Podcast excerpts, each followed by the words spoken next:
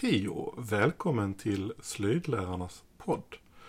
Jag heter Christian Svensson. Och jag heter Inger Degerfelt. Och idag tänkte vi prata lite grann om eh, hur vi blev slöjdlärarna.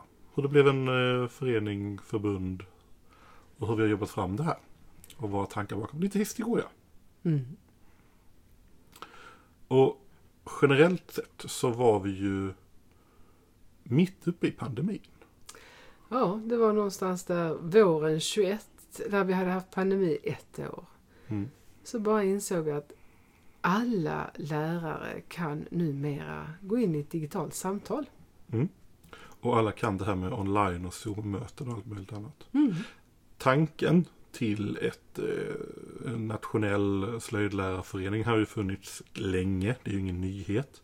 Det har ju funnits ämneslärargrupper och det har ju funnits lokalföreningar och flera olika försök.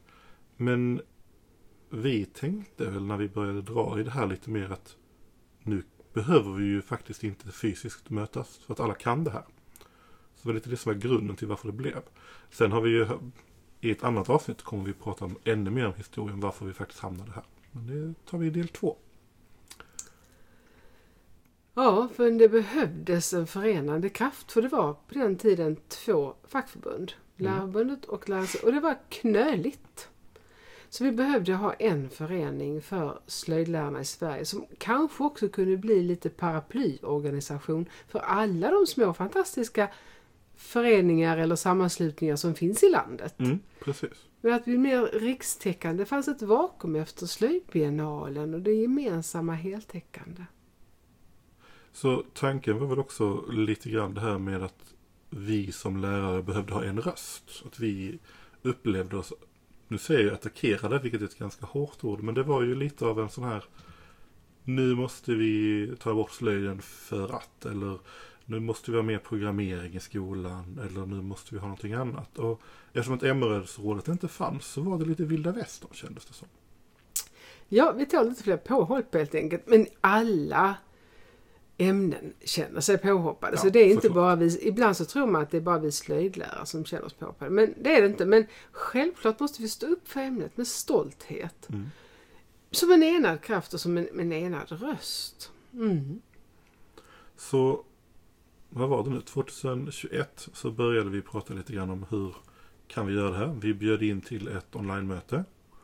Det var i juni Var det juni? 2021 när sista veckan när eleverna hade slutat och lärarna var klar. Helt plötsligt så dök det upp, eller ja, vi fick en idé och vi öppnade ett möte. Man fick anmäla sig så skulle man få en länk.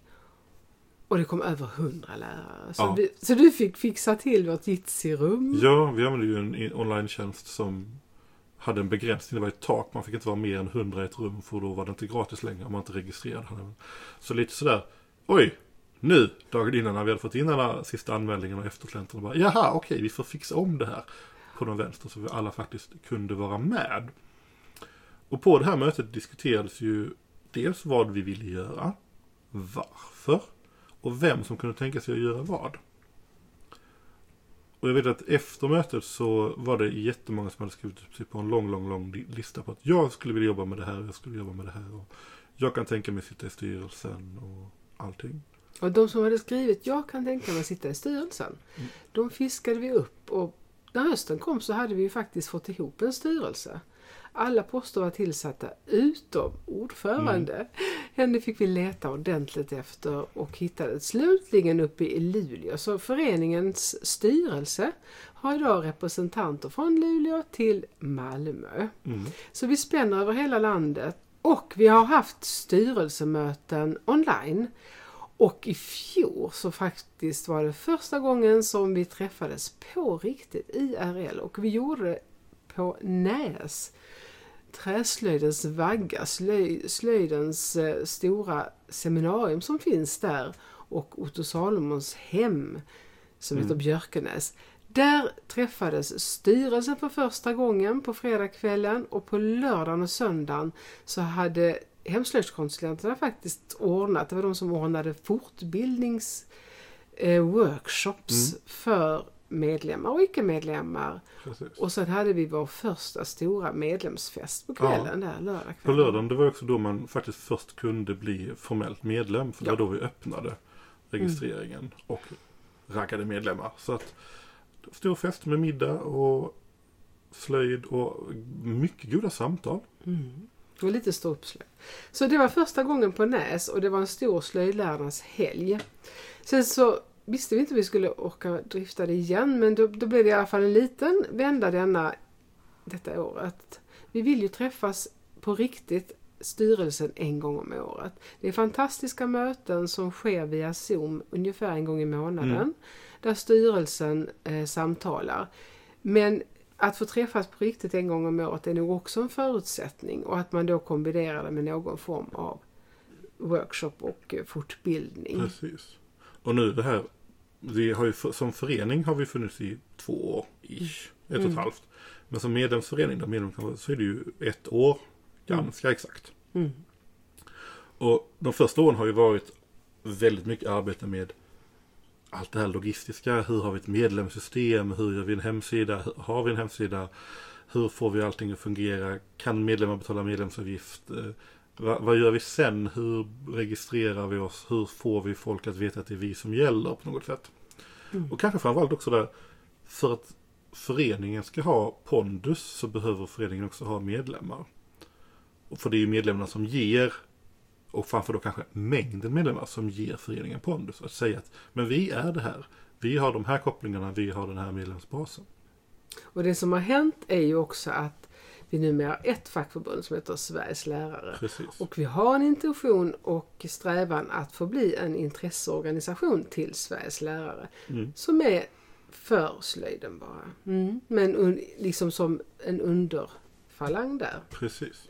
Det återstår att jobba fram det. Ja. Mm. Så det är mycket, det är ju en ung förening. Det finns mycket driv och mycket glada människor. Men det finns också mycket arbete framför oss. Ja, och men en stor grej som nu av någon anledning vi faktiskt drog igång. Det var ju att vi vill försöka få till slöjdlärarnas konferens. Mm.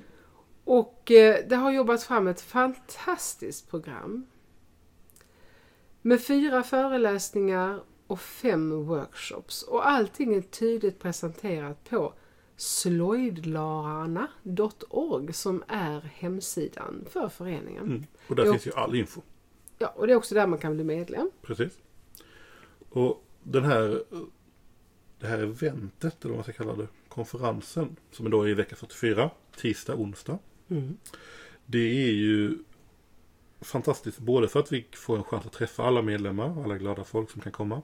Men det är ju också det att det är online. Så att även om man inte fysiskt kan närvara på grund av fortbildningsdagar eller semester eller någonting annat. Så kan man titta på föreläsningar. Och kanske om jag får som jag vill även kunna hänga lite grann i en chatt. Men vi ser hur vi gör med det. Ja. Jag ska inte lova för mycket än. Det är det där med teknik. Så jag vill fortfarande verkligen, verkligen välkomna dig att komma på riktigt Mm. till. För det är i det mänskliga mötet som det verkligen sker. Och att komma ensam är kanske det allra bästa. För då måste man ju prata med de andra som sitter där. Och man går på för storföreläsningar, så går man tillbaka till sin workshop. Man får lära sig massa härlig inspiration från workshopledarna och man får slöjda lite grann och man får prata med dem man är tillsammans med där. Och det här är väl egentligen kärnan till varför slöjdlärarna som förening bildades. Dels vill vi ju såklart ha en intresseorganisation som kan företräda oss. Men också det här att vi vill skapa ett paraply som vi kan samlas under. Vi kan ha föreläsningar. Vi kan ha dels lokalträffar men även nationella träffar. Och liksom mötet. För att som slöjdlärare är man ofta ganska ensam. Man sitter, man har förhoppningsvis sin eh, textilkollega eller sin trämetallkollega som man kan jobba med.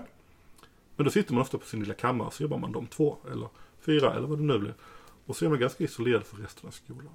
Och så får man fortbildning och fortbildningen handlar ofta om nya pedagogiska didaktiska saker. Det handlar om bildstöd, det kanske handlar om nya läroplanen har ju varit väldigt aktuell av uppenbara anledningar med en bedömning och så. Men man pratar väldigt sällan om hur det här är tillämpbart på slöjden. Man lägger ofta fokus på det generella för att det ska passa alla. Och det förstår man ju att skolorna vill lägga på.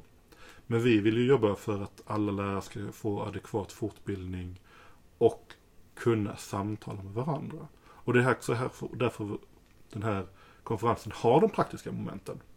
Att vi, vi är inte biennalen som var i Lidköping där stor fokus är på god teori, vilket är viktigt. Utan vi vill skapa möjligheter för samtalen. Vi vill kunna slöjda tillsammans, prata om de didaktiska knepen och hur vi kan jobba faktiskt praktiskt. Hur det är tillämpbart för mig som lärare. Ja, och det där att byta ord. Hur Mm. ser det ut hos dig? Hur ser det ut hos mig?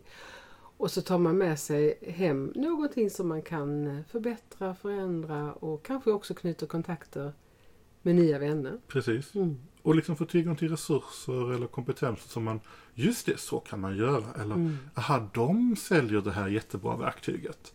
Mm. Eh, och så vidare. Och det är ju sånt som man inte riktigt, visst det delas jättemycket online, men det fysiska mötet. Samtalet. Ehm, nu hade vi ju en fortbildning på NÄS för någon vecka sedan. Och där var det ju, en stor del var ju kaffepausen på något sätt. Som workshopledare, när jag själv höll i en workshop, så var det ju ett svårt att få alla att släppa det de höll på med och faktiskt gå och ta en kopp kaffe. Men sen när de väl hade kommit iväg till lunchen eller till kaffet så var det ännu svårare att få dem att inte fastna i hallen eller korridoren och prata om någonting. Utan att faktiskt komma tillbaka så de hann klart. Jag tror vi känner igen det här både hos oss själva och hos eleverna. Att vi, vi hittar någon grej och så pratar vi gärna. Mm. Och det är så viktigt. Ja, att träffas. Men vad, vad ska vara med på den här konferensen då? Om jag, om jag som deltagare åker dit och inte vet någonting, vad händer då? Det stora, häftiga, det är, måste vi säga tack Andreas Kryger som har dragit ihop, som faktiskt har fått Skolverket kommer. Mm. Vi har en kursplan, vi har styrdokument och vi jobbar utifrån dem. Men vi kanske inte har klart för oss när rektor frågar hur jobbar du efter styrdokumenten? Att det faktiskt är det vi gör. Man, ska, man skulle vilja att man kan, liksom kan rabbla nästan kursplanen utan till när man vaknar på natten. Kan du inte det? Jo, jag, jag kan den verkligen utan till. Jag sitter med den dagligen och stundligen för, eftersom jag skriver läromedel. Men jag tänker att att få höra Skolverket hur de tänker Mm. och hur en kursplan blir till och syfte och mening och att de också vill lyssna på oss. Precis. Och sen har vi en fantastisk resurs i lärportalen på Skolverket som Jenny Frohagen har satt samman Mm. tillsammans med forskare som pratar om hållbarhet. Och vi har också eh, en författare som kommer och pratar om iakttagbara mål i slöjden. Johan Alm tänker du på. Ja, ska vi prata om namnen så tycker jag vi ska ta namnen exakt rätt som de är. Ja. Vi börjar uppifrån. Jenny Frohagen kommer som är forskare och lärarutbildare i Stockholm på Konstfack och som är den som har satt, ställt samman lärportalen och om undervisningen i slöjdämnet. Hon kommer att prata om det. Och sen kommer Hanna Hoferberg som har gjort en avhandling om hållbarhet i slöjden och hon kommer att prata om hållbarhet och slöjd. Och hon hon har också skrivit ett kapitel i lärportalen. Mm. Och det är ju också en av de stora nya sakerna med den nya läroplanen. Att hållbarhet har blivit mer fokus där. Och hur gör vi på slöjden? Precis. Hur får vi in det där? Ja. Och sen kommer Johan Alm. Han kommer att prata om iakttagbara mål men specificerat för slöjden. Hur bedömer vi alster? Hur pratar vi med eleverna om eh, slöjdalster? Hur sätter vi ord på Precis. kunskapen i slöjd? Och kanske framförallt också då hur lär vi eleverna det vi faktiskt bedömer. Mm. Så att jag som lärare inte bedömer någonting annat som eleven inte har fått lära sig. För då blir det jättekomplicerat. Mm. Framförallt svårt för eleverna att kunna nå högre mål. Så han kommer att bryta ner det och prata ganska mycket om det. Och det, den ser jag fram emot. Den kommer att vara superspännande. Mhm. Och sen kommer ju Skolverket. Det är Marie Israelsson och Daniel Rosén som pratar om kursplaner, styrdokument och Skolverkets lärportal. Så knyter ihop det hela liksom. Så planerar jag frågor väl. Ja, vi har ju ingen slöjdlärare på Skolverket vad jag vet. Nej. Utan därför är det ju extra viktigt att de faktiskt vill ha en dialog. Och de har också sökt dialog och haft dialog Mm. med slöjdlärare. Och jag tror också den, jag är jättenyfiken på hur det kommer att bli på Skolverket och hur de jobbar med det. För att jag tolkar ju läroplanen. Mm. Du tolkar läroplanen. Mm. Alla andra, vad är vi? Hur många slöjdlärare är vi i Sverige? Hur många slöjdlärare är vi i Sverige? Jag, jag har faktiskt ingen aning. Jag vet att jag har kollat upp det någon gång men jag kommer inte ihåg det. Det finns ingen siffra som säger så här många är det. Men Nej. jag har hört allt från 3 till 6 tusen. Jag har hört 7-8. Så kan det vara. Man kan ju tänka att det finns kanske en slöjdlärare på skola i alla fall. Ja, Minst en. det, det är det absolut. Men sen är det många som är på många små skolor Skolor, också. precis. Och sen måste vi ju ta med detta faktum att hälften av slöjdlärarna idag saknar formell utbildning. Mm. Och ni är extra, extra, extra välkomna. Ja men precis. För en kedja blir aldrig starkare än sin svagaste länk. Och det är vi som har en gedigen utbildning, lång erfarenhet i skolan, som måste se till att stötta, peppa, hjälpa och med- mentor, vara mentorer för alla de som ger sig in i skolslöjden utan att ha en adekvat utbildning i ryggen. Mm. Man kan skaffa sig den, man kan skaffa sig den kompetens man behöver. Men då behöver man absolut, mer än alla andra kanske, få komma iväg på fortbildning. Jag kan ju lägga in en anekdot och säga att när jag började plugga till slöjdlärare 2007 så efter många om och men så fick jag ju inte ens en möjlighet att ta examen. Jag tog min examen för, vad är det, 3-4 år sedan. Mm. Efter 17, 15, 16 år som slöjdlärare. Mm. Så att eh, man kan ju jobba. Men det är rätt skönt att ha den där legitimationen. Ja, framförallt för att kunna få en vettig tjänst, en vettig lön eh, och eh, Fast tjänst. fast tjänst. Ja, så fortbildning den är verkligen för alla. Både vi som behöver påfyllning och de som behöver nyfyllning. Eller vad man ska säga. Ska vi presentera workshopsen? Ja. De olika workshops som är. Då tar jag dem i ordning upp så, som de står på vår hemsida. För då är det ju Marika Eriksson som är så himla duktig på att förklara det här med automata. Marika har varit med oss på slöjdlärarnas helg förra Mm. året och alla var extremt glada för den fina sätt hon... Du var ju med! Ja, jag var med. Och det var, alltså jag, jag är ganska kritisk generellt sett. Det vet alla som känner mig att jag är, jag ska inte säga negativ, men kritisk. Och jag blev så himla positiv och glad över Marikas kurs. För att det var såklart väldigt praktiskt. Den handlar om automater. Den handlar om automater, hur man gör. Man får prova på att bygga en egen. Men hon har en så tydlig struktur. Hon har liksom så här gör jag med eleverna. Eleverna får se den här presentationen. Eleverna får se de här eh, föremålen. Jag jobbar på det här. Vi använder de här verktygen. Vi övar. Så det är jättestrukturerat. Och jättegenomarbetat didaktiskt. Så jag som lärare känner att efter att ha gått den kursen bara, åh, det här skulle jag kunna göra med mina elever. Visst, jag behöver göra lite förlagor och tänka lite grann hur kan jag anpassa det för mina. Men det är liksom, ta, ta ett färdigt koncept och liksom bara tryck in den här legobiten och den passar ganska bra. Så om du har varit minsta nyfiken på automater men inte vågat komma igång, gör det. Kom och var med. Och sen så kommer ju då Christian Svensson, som Mm. vi har mitt emot med här, och som eh, pratar om läder.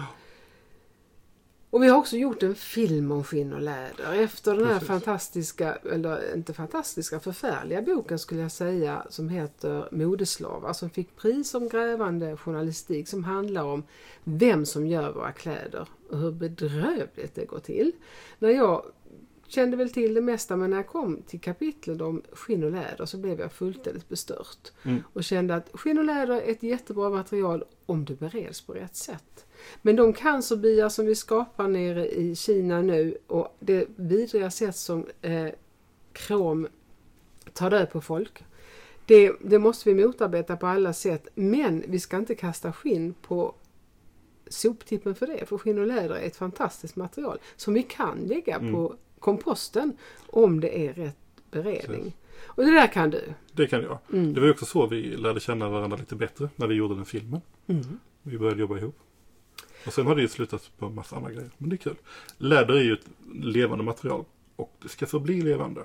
Jag menar, som du säger, det kan kastas på komposten. Du kan äta en vegetabiliegarvad läderhud. Den är inte så god, men det går. Den smakar bättre än vad det luktar. Nu börjar vi hamna på slöjdätarna. Ja, Nej. men precis. Medan då kromgarvat skinn är ju farligt avfall. Ja. Det får du inte ens slänga på tippen. Nej, den ska gömmas till eh, destruering. Vi lämnar skinnet som blir en härlig workshop där man får sy och prova sadelmakarsöm och allt det där. Och också få lära sig vad är rimligt, realistiskt, vettigt att göra med eleverna i slöjden.